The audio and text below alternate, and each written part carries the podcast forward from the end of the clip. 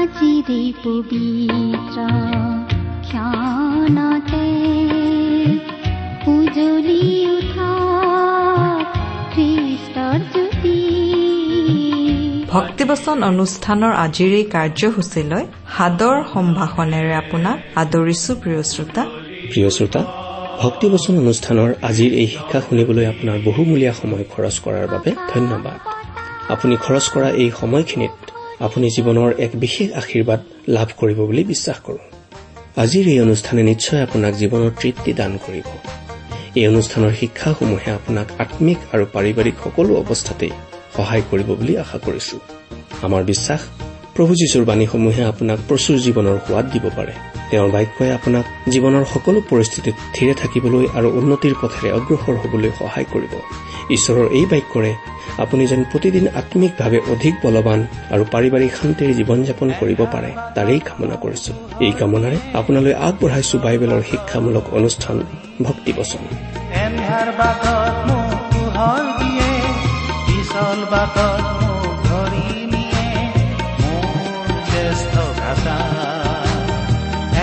বাটত মোক পোহৰ দিয়ে পিছল বাটত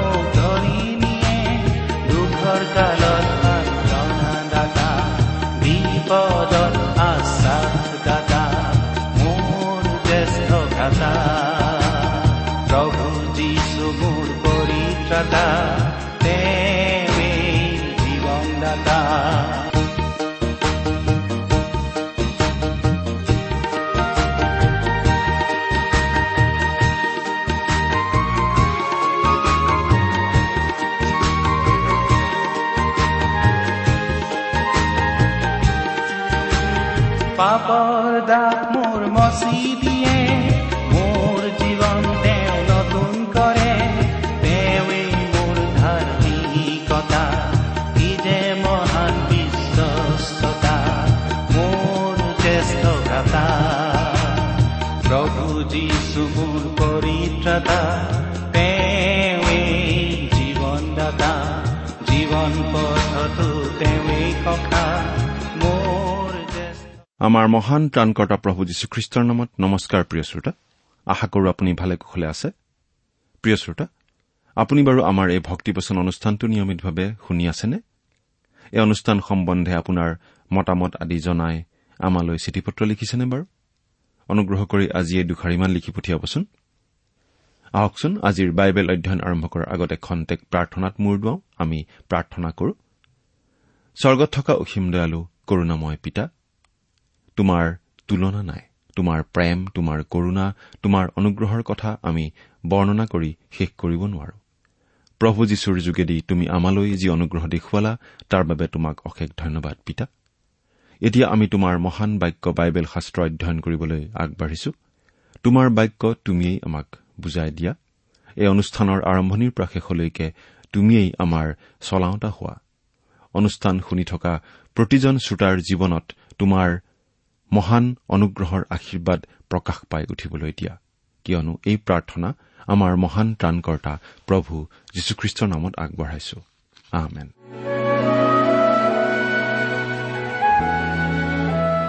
প্ৰিয় শ্ৰোতা আশা কৰিছো আপুনি আমাৰ এই ভক্তিবচন অনুষ্ঠানৰ নিয়মীয়া শ্ৰোতা। যদিহে আপুনি আমাৰ এই অনুষ্ঠান নিয়মিতভাৱে শুনি আছে তেনেহলে আপোনাৰ নিশ্চয় মনত আছে যে আমি আজি কিছুদিন ধৰি বাইবেলৰ নতুন নিয়ম খণ্ডৰ থিচলনিকীয়াবিলাকৰ প্ৰতি প্ৰথম পত্ৰ বা চমুকৈ প্ৰথম থিচলনিকীয়া নামৰ পুস্তকখন অধ্যয়ন কৰি আছো। বাইবেল অধ্যয়নৰ এই অনুষ্ঠানত আমি গোটেইখন বাইবেল ইমূৰৰ পৰা সিমূৰলৈ অধ্যয়ন কৰিম বুলি কৈ আহিছো। বাইবেলৰ গোটেই ছয়ষষ্ঠিখন পুস্তকেই অধ্যয়ন কৰিম। আমি মাজে মাজে পুৰণি নিয়ম আৰু মাজে মাজে নতুন নিয়মৰ পৰা একোখনকৈ পুস্তক লৈ অধ্যয়ন কৰি গৈ আছো। আমি ইতিমধ্যে বহুদূৰ আগবাঢ়ি আহিলো। প্ৰথম থিচলনিকীয়া পুস্তকখনৰ অধ্যয়ন আৰম্ভ কৰাও ভালেকেইদিন হৈ গ'ল। আমি যোৱা অনুষ্ঠানত এই প্ৰথম থিচলনিকীয়া পুস্তকৰ দুই নম্বৰ অধ্যায়ৰ তেৰ নম্বৰ পদলৈকে আমাৰ অধ্যয়ন আগবঢ়াইছিলো। এই পুস্তকখন হৈছে পাচনি পৌলে থিচলনিকী নামৰ ঠাইত থকা খ্ৰীষ্টীয় বিশ্বাসীসকললৈ লিখা এখন পত্ৰ। তেওঁ থিচলনিকীৰ লোকসকললৈ দুখন পত্ৰ লিখিছিল। তাৰে এইখন প্ৰথম পত্ৰ। যোৱা অনুষ্ঠানত আমি যিখিনি কথা আলোচনা কৰিছিলো সেইখিনি খুব চমুকৈ কবলৈ গ'লে এনেকুৱা হ'ব। পাচনি পৌলে থিচলনিকিৰ লোকসকলক মনত পেলাই দিছে যে তেওঁ তেওঁলোকৰ মাজত থকা সময়ছোৱাত তেওঁলোকে দেখিবলৈ পাইছিল পাচনি পৌল কেনে পবিত্ৰ ধাৰ্মিক আৰু নিৰ্দোষ আচৰণকাৰী আছিল। তেওঁ ঈশ্বৰৰ আজ্ঞা অনুসৰি জীৱন কটাইছিল। তেওঁৰ জীৱনত কোনো খুদ দেখুৱাব পৰা নাছিল আন লোকে। পাচনি পৌলে থিচলনিকিৰ লোকসকলক এই কথা সোঁৱৰাই দিছে যে ঈশ্বৰে তেওঁলোকক তেওঁৰ ৰাজ্য আৰু প্ৰভাৱলৈ অৰ্থাৎ এই পৃথিৱীত যীশুখ্ৰীষ্টই স্থাপন কৰিবলগীয়া এহেজাৰ বছৰীয়া ৰাজ্য আৰু তাৰ পাছত অনন্তকালৰ বাবে স্বৰ্গৰাজ্যলৈ আমন্ত্ৰণ কৰিছে। তেওঁলোকে এই আমন্ত্ৰণৰ যোগ্য আচৰণ কৰা উচিত। সেই কথা তেওঁ তেওঁলোকক কৈ আহিছে। পিতৃয়ে যেনেকৈ পুত্ৰক ঠিক তেনেকৈ তেওঁ তেওঁলোকক তেনেদৰে চলিবলৈ উপদেশ আশ্বাস আৰু সাক্ষ্য দিছিল। পিতৃৰ নিচিনা দৃঢ়তাৰে তেওঁ তেওঁলোকক সেই কথা মানিবলৈ কৈছিল। থিচলেনিকিৰ লোকসকলে পাচনি পৌল আৰু সহকৰ্মীসকলৰ যোগেদি যি বাক্য শুনিছিল সেই বাক্য ঈশ্বৰৰ বাক্য বুলি গ্ৰাহ্য কৰি বিশ্বাস কৰিছিল। সেই বাক্য বিশ্বাস কৰাৰ ফলত সেই বাক্যই তেওঁলোকৰ জীৱনত কাৰ্যসাধন কৰিছিল। আচলতে এই অধ্যায়টোত পাচনি পৌলে দেখুৱাব খুজিছে যে ঈশ্বৰৰ মণ্ডলী অৰ্থাৎ খ্ৰীষ্টীয় বিশ্বাসী লোকৰ সমষ্টিৰ দ্বাৰা প্ৰতিফলিত হ'ব লাগে এই পৃথিৱীত থকা ঈশ্বৰৰ পৰিয়ালৰ ৰূপ। প্ৰথমতে তেওঁ খ্ৰীষ্টীয় বিশ্বাসীসকলৰ সৈতে তেওঁৰ সম্বন্ধটো মাতৃত্বৰ সম্বন্ধৰ নিচিনা বুলি কৈছে। তাৰ পিছত তেওঁ সেই সম্বন্ধটো পিতৃ আৰু পুত্ৰৰ সম্বন্ধৰ নিচিনা বুলি কৈছে। আৰু এতিয়া তেওঁ সেই সম্বন্ধটো ভাই ভাইৰ সম্বন্ধ হিচাপে দেখুৱাইছে। কেতিয়াবা মানুহে কয় আমাৰ মণ্ডলীটো পাৰিবাৰিক মণ্ডলীৰ নিচিনা। অৰ্থাৎ মণ্ডলীৰ প্ৰায়বোৰ সভ্য সভ্যা পৰিয়ালৰ লোক নাইবা সম্বন্ধীয় লোক। কিন্তু আমি ইয়াত সেই কথাটো বুজাব খোজা নাই। মণ্ডলীটো ঈশ্বৰৰ পৰিয়ালৰ প্ৰতিচ্ছবি হ'ব লাগে। এই বুলি কওঁতে আমি এই কথাটো বুজোৱা নাই। এটা পৰিয়াল যেনেকুৱা হোৱা উচিত ঠিক সেই সম্বন্ধবোৰৰ যোগেদি সমাজৰ আগত ঈশ্বৰৰ প্ৰকাশ ঘটোৱাই হৈছে মণ্ডলীৰ কাম। পৰিয়ালত স্বামী ভাৰ্যা আৰু ল'ৰা ছোৱালীৰ সম্বন্ধবোৰৰ মাজেদি পিতৃ ঈশ্বৰ আৰু প্ৰভু যীশুৰ জগতৰ প্ৰতি থকা প্ৰেমৰ তিনিওটা দিশ প্ৰকাশ পাব লাগে। পাচনি পৌলে ইতিমধ্যেই মাতৃত্বৰ দিশটো দেখুৱাইছে। পিয়াহ খোৱা মাকে কেঁচুৱাক আপডাল কৰাৰ নিচিনাকৈ তেওঁ থিচলনিকীয়া বিশ্বাসীসকলৰ আপডাল কৰিছিল আৰু তেওঁলোকৰ কাৰণে দিনে নিশাই কষ্ট কৰিছিল। তাৰ পাছত পাচনি পৌলে কৈছে যে তেওঁ সেই মণ্ডলীটোৰ কাৰণে পিতৃৰ নিচিনা আছিল। পৰিয়ালত সন্তানটিয়ে মাতৃসুলভ মৰমৰ লগতে পিতৃসুলভ মৰমৰ অভিজ্ঞতাও লাভ কৰা উচিত। পিতৃৰ মৰম ঘাইকৈ প্ৰকাশ পায় পিতৃয়ে দেখুওৱা অনুশাসনৰ যোগেদি। পাচনি পৌলে কৈছে তেওঁ থিচলনিকিৰ বিশ্বাসী লোকসকলৰ কাৰণে পিতৃস্বৰূপ আছিল। বাইবেলত মাকৰ মৰমৰ কোমল দিশটো যেনেকৈ গুৰুত্ব দিয়া হৈছে পিতৃৰ দৃঢ় অনুশাসনৰ কথাটো গুৰুত্ব সহকাৰে উল্লেখ কৰা হৈছে। আমি যদি কেৱল সান্তনাৰ কথাহে কৈ থাকো আৰু অনুশাসন আৰু বাধ্যতাৰ কথাটোলৈ পিঠি দি থাকো তেনেহলে আমি দুৰ্বল বিশ্বাসী হৈ থাকিম। নাইবা হয়তো উশৃংখল বিশ্বাসী হৈ পৰিম। এতিয়া আমি বাইবেলৰ পৰা পাঠ কৰিম। চৈধ্য নম্বৰ পদৰ পৰা অধ্যয়ন আৰম্ভ কৰিম। আপোনাৰ বাইবেলখন মেলি লৈছেনে বাৰু? পাঠ কৰি দিছো শুনিব। প্ৰথম থিচলনিকীয়া দ্বিতীয় অধ্যায় চৈধ্য পদ।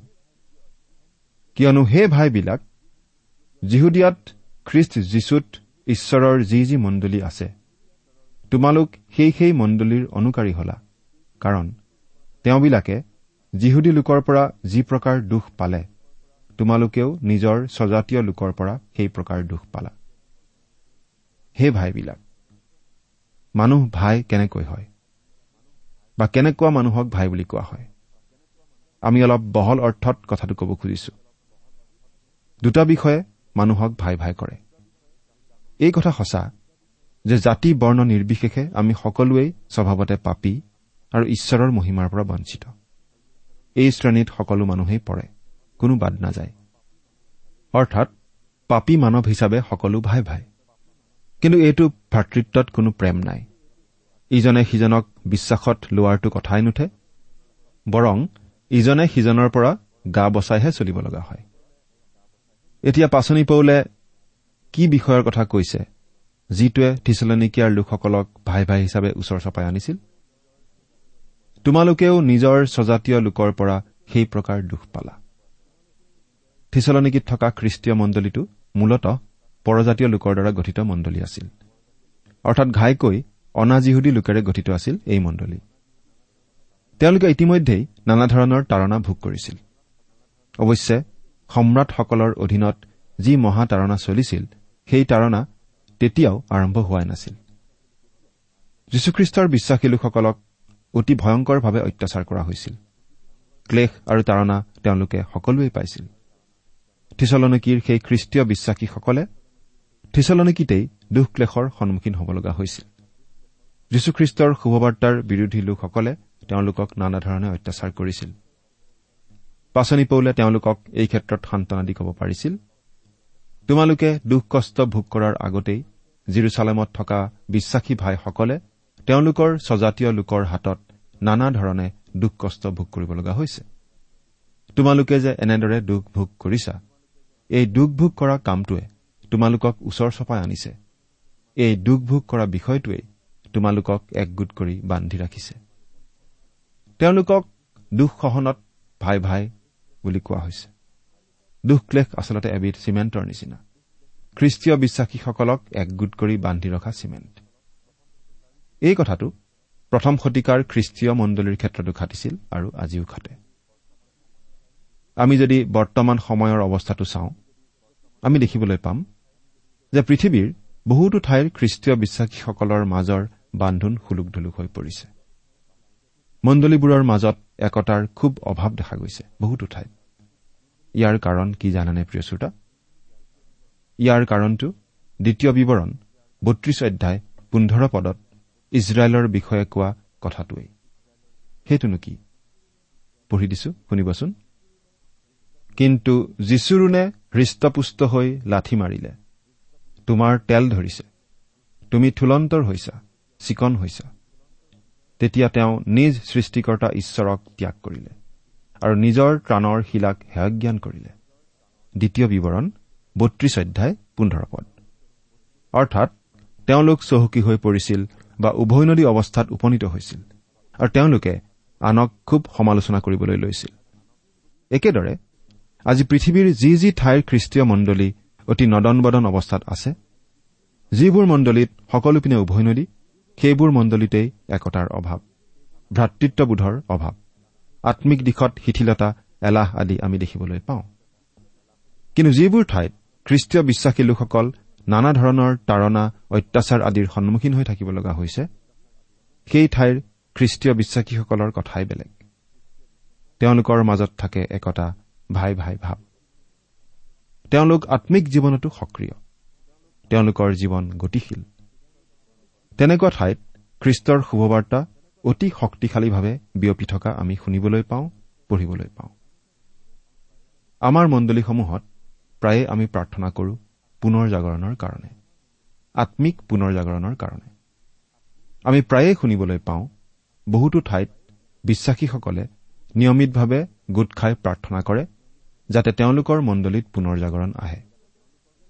কিন্তু তেওঁলোক সকলোৱে যেন একেলগে দুখ ভোগ কৰিব পাৰে একেলগে তাৰণা অত্যাচাৰৰ সন্মুখীন হ'ব পাৰে আৰু তাৰ জৰিয়তেই তেওঁলোকৰ মণ্ডলীলৈ পুনৰ জাগৰণ আহে। এনেদৰে প্ৰাৰ্থনা কৰা আমি শুনিবলৈ নাপাওঁ।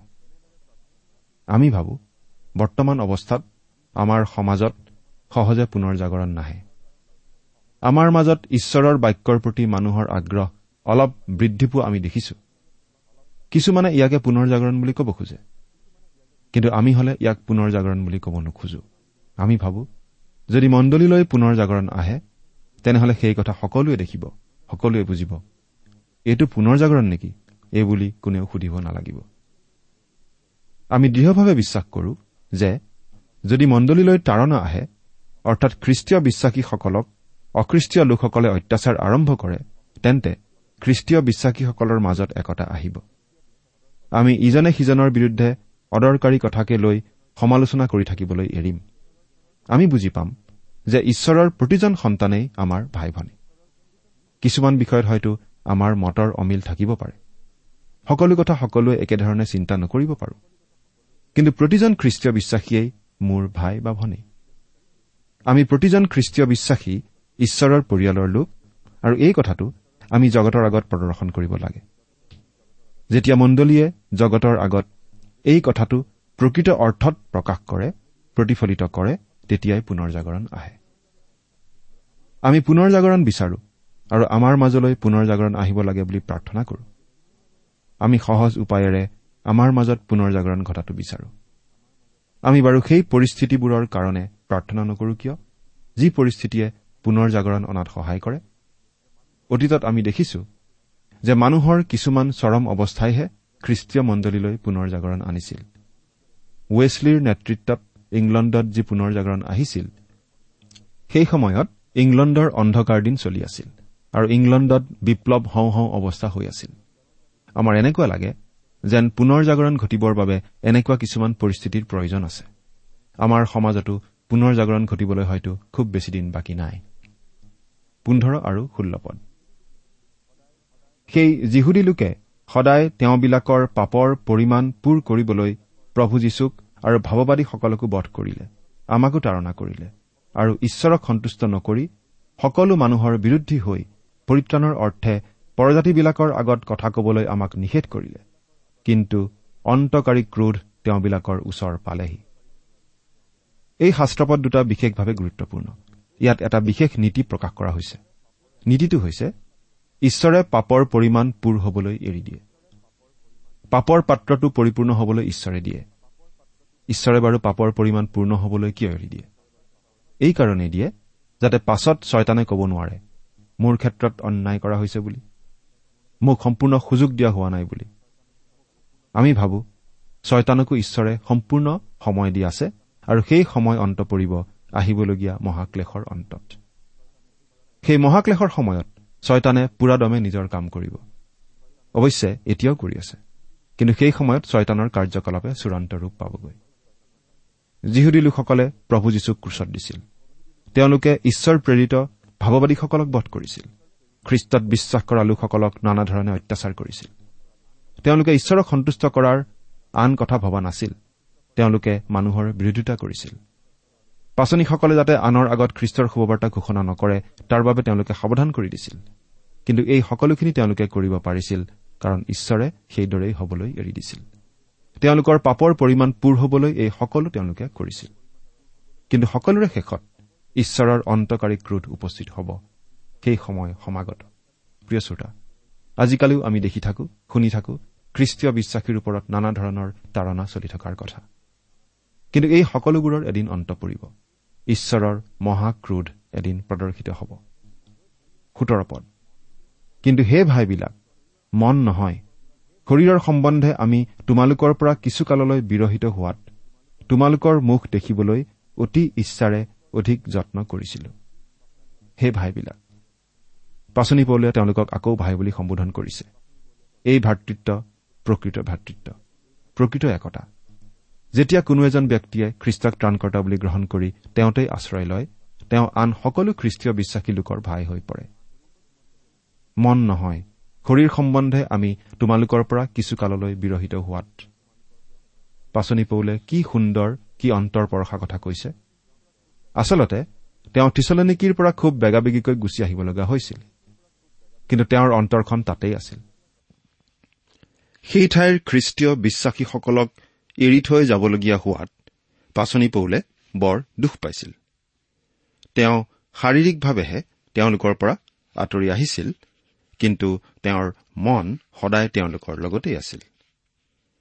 তোমালোকৰ মুখ দেখিবলৈ অতি ইচ্ছাৰে অধিক যত্ন কৰিছিলো।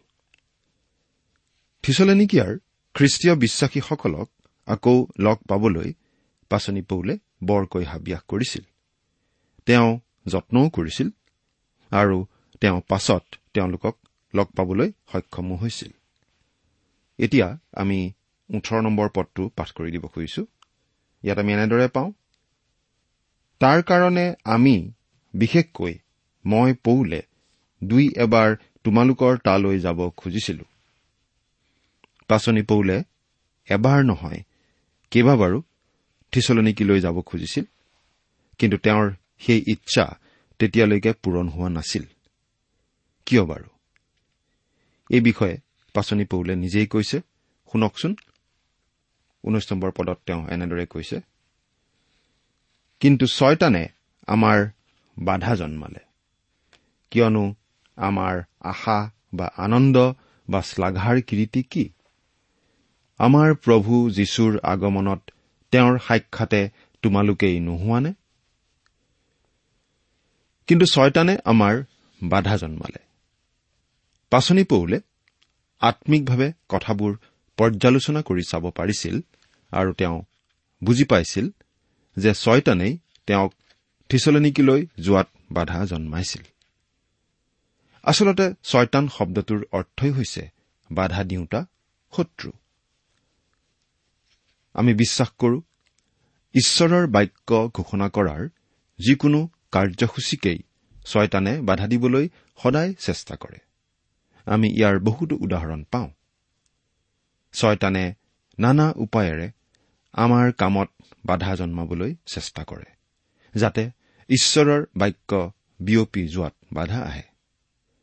কিন্তু আমি ঈশ্বৰক ধন্যবাদ দিব পাৰো কাৰণ ছয়তানে সদায় বাধা জন্মাবলৈ চেষ্টা কৰি থকা সত্বেও ঈশ্বৰৰ বাক্য বিয়পিয়েই আছে। যি প্ৰভু যীশুখ্ৰীষ্টৰ এদিন মাত্ৰ বাৰজন শিষ্য আছিল সেইজনা যীশুখ্ৰীষ্টৰেই বাণী। আজি পৃথিৱীৰ চুকে কোণে বিয়পি পৰিছে। অগণন লোক তেওঁৰ শিষ্য হৈ পৰিছে। কিয়নো আমাৰ আশা বা আনন্দ বা শ্লাঘাৰ কীৰ্তি কি? পাচনি পৌলে কিহক লৈ আশা কৰিব পাৰে? কিহক লৈ তেওঁ গৌৰৱ কৰিব পাৰে? কিহক লৈ তেওঁ আনন্দ কৰিব পাৰে? তেওঁ কৈছে তেওঁৰ যোগেদি খ্ৰীষ্টলৈ অহা খ্ৰীষ্টীয় বিশ্বাসীসকলেই তেওঁৰ আশা তেওঁৰ আনন্দ বা তেওঁৰ শ্লাঘা বা গৌৰৱৰ কিৰিটিস্বৰূপ আমাৰ প্ৰভু যীশুৰ আগমনত তেওঁৰ সাক্ষাতে তোমালোকেই নোহোৱানে? পাচনি পৌলে এই বুলি কৈছে যে প্ৰভু যীশুখ্ৰীষ্টৰ যেতিয়া পুনৰ আগমন হ'ব তেওঁৰ বিশ্বাসীসকলক এই পৃথিৱীৰ পৰা উঠাই লৈ যাবলৈ তেতিয়া তেওঁ এই বিশ্বাসী লোকসকলক যে দেখা পাব সেইটো তেওঁৰ বাবে এটা ডাঙৰ আশা আৰু আনন্দৰ বিষয়। যি থিচলনিকীয়া লোকসকলক তেওঁ খ্ৰীষ্টলৈ জয় কৰিছিল সেই খ্ৰীষ্টীয় বিশ্বাসী লোকসকল তেওঁৰ বাবে এই জগততো আনন্দৰ বিষয় আৰু আহিবলগীয়া অনন্তকলীয়া দিনবোৰতো আনন্দৰ বিষয়। এতিয়া আমি বিশ নম্বৰ পদটো পাঠ কৰি দিম। ইয়াত এনেদৰে লিখা আছে বাস্তৱিক তোমালোকেই আমাৰ গৌৰৱ আৰু আনন্দ। বাস্তৱিক তোমালোকেই আমাৰ গৌৰৱ আৰু আনন্দ। এই কথাটো অলপ চিন্তা কৰি চাওকচোন প্ৰিয় শ্ৰোতা। এই কথা কৈছে পাচনি পৌলে। থিচলনিকীয়া লোক যিসকলে পাচনি পৌলৰ যোগেদি প্ৰভু যীশুখ্ৰীষ্টৰ শুভবাৰ্তা পাইছিল। সেই লোকসকল পাচনি পৌল আৰু তেওঁৰ সহকৰ্মীসকলৰ বাবে গৌৰৱ আৰু আনন্দৰ বিষয়। এইখিনিতে আপোনাক এটা প্ৰশ্ন সুধিব খুজিছো। প্ৰিয় শ্ৰোতা আপোনাক বাৰু কোনোবাই ধন্যবাদ দিবনে যে তেওঁক ঈশ্বৰৰ বাক্য যোগোৱাত আপুনিও কিবা নহয় কিবা প্ৰকাৰে জড়িত? বা আপুনি বাৰু স্বৰ্গত কোনো মানুহক লগ পাবনে? যিজন মানুহক খ্ৰীষ্টৰ শুভবাৰ্তা জনোৱাত আপুনি কিবা নহয় কিবা প্ৰকাৰে জড়িত? প্ৰভু যীশুখ্ৰীষ্টৰ শুভবাৰ্তা বিলাই থকা কোনো অনুষ্ঠান বা কোনো ব্যক্তিক আপুনি বাৰু কিবা প্ৰকাৰে কেতিয়াবা সহায় কৰিছেনে? যদিহে কৰিছে তেনেহলে হয়তো। আপুনি কেতিয়াও লগ নোপোৱা কেতিয়াও দেখা নোপোৱা হয়তো পৃথিৱীৰ সিমূৰৰ কোনো এজন লোক আহি আপোনাক স্বৰ্গত ধন্যবাদ জনাই এনেদৰে ক'ব। আপোনাৰ সহায়ৰ বাবেই সেই অনুষ্ঠানৰ যোগেদি মই খ্ৰীষ্টক চিনি পালো আৰু আজি স্বৰ্গত বাস কৰিবলৈ পাইছো। আপোনাক ধন্যবাদ। প্ৰিয় শ্ৰোতা স্বৰ্গত আমি লাভ কৰিব লগা কিৰিটিৰ ভিতৰত ইও এক ধৰণৰ কিৰিটি তেনেকুৱা কিৰিটি আপুনি বাৰু পাবনে? প্ৰিয় শ্ৰোতা প্ৰভু যীশুখ্ৰীষ্টই আমাক নিবলৈ এই পৃথিৱীলৈ আকৌ আহিবই। এই কথা তেওঁ নিজে স্পষ্টকৈ জনাই দিছে। আমাক প্ৰতিজন খ্ৰীষ্টীয় বিশ্বাসীকেই তেওঁ যেতিয়া এই পৃথিৱীৰ পৰা উঠাই লৈ যাব সেইটো আমাৰ বাবে অতি আনন্দৰ অভিজ্ঞতা হ'ব। কিন্তু লগতে যদি আমি আন এজন ব্যক্তিকো লগ পাওঁ যিজন ব্যক্তি আমাৰ যোগেদি খ্ৰীষ্টৰ শুভবাৰ্তা শুনিবলৈ পায় খ্ৰীষ্টত বিশ্বাস কৰিছে তেতিয়া আমাৰ আনন্দ অধিক উপচি নপৰিবনে? চিন্তা কৰি চাওকচোন। তেনে আনন্দ পাবলৈ আপুনি বাৰু ব্যৱস্থা হাতত লৈছেনে? খ্ৰীষ্টৰ শুভবাৰ্তা বিয়পি পৰাত আপুনি বাৰু কিবা প্ৰকাৰে সহায় কৰিছেনে? চিন্তা কৰি চাওকচোন। ঈশ্বৰে আপোনাক আশীৰ্বাদ কৰক। নুবুজিলা তুমি বন্ধু। প্ৰিয় শ্ৰোতা ইমান পৰে আপুনি বাইবেল শাস্ত্ৰৰ পৰা ঈশ্বৰৰ বাক্য শুনিলে। এই বিষয়ে আপোনাৰ মতামত জানিবলৈ পালে আমি নথৈ আনন্দিত হ'ম। আমি প্ৰস্তুত কৰা বাইবেল অধ্যয়নৰ চিডিসমূহ পাব বিচাৰিলে আৰু অনুষ্ঠানত প্ৰচাৰ কৰা কোনো কথা বুজিব লগা থাকিলেও আমালৈ লিখক। আমাৰ যোগাযোগৰ ঠিকনা ভক্তিবচন ট্ৰান্সৱৰ্ল্ড ৰেডিঅ' ইণ্ডিয়া ডাক বাকচ নম্বৰ সাত শূন্য গুৱাহাটী সাত আঠ এক শূন্য শূন্য এক। ঠিকনাটো আকৌ এবাৰ কৈছো ভক্তিবচন ট্ৰান্সৱৰ্ল্ড ৰেডিঅ' ইণ্ডিয়া ডাক বাকচ নম্বৰ সাত শূন্য গুৱাহাটী সাত আঠ এক শূন্য শূন্য এক। প্ৰভু যীশু আহিছিল এই পৃথিৱীলৈ।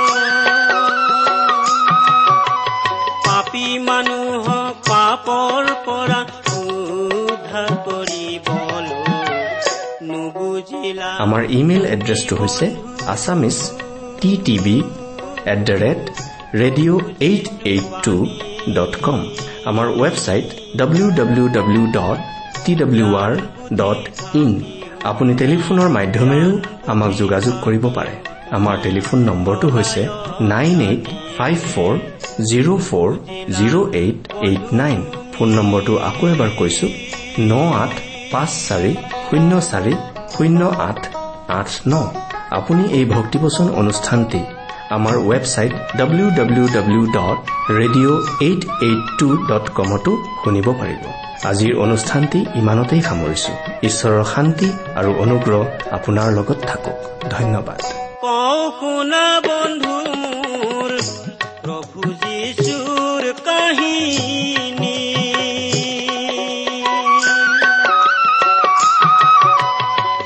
কবলৈ নোৱাৰো বন্ধু কবলৈ নোৱাৰো বন্ধু পৰে হিয়া দুখে ভৰি নুবুজিলা বন্ধু তুমি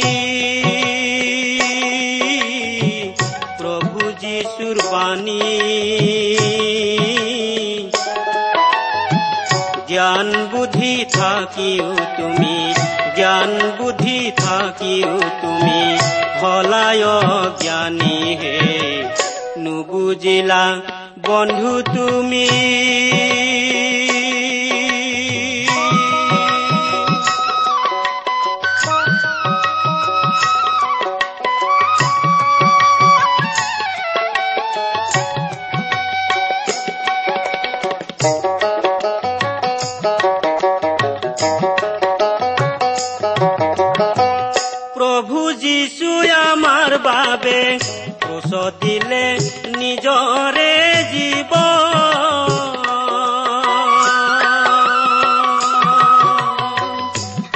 যে যাতনা ভুঞ্জিলে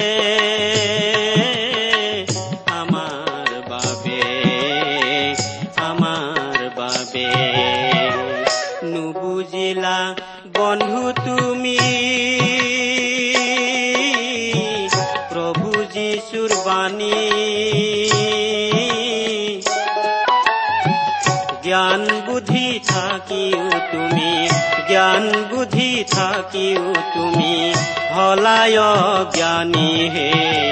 নুবুজিলা বন্ধু তুমি।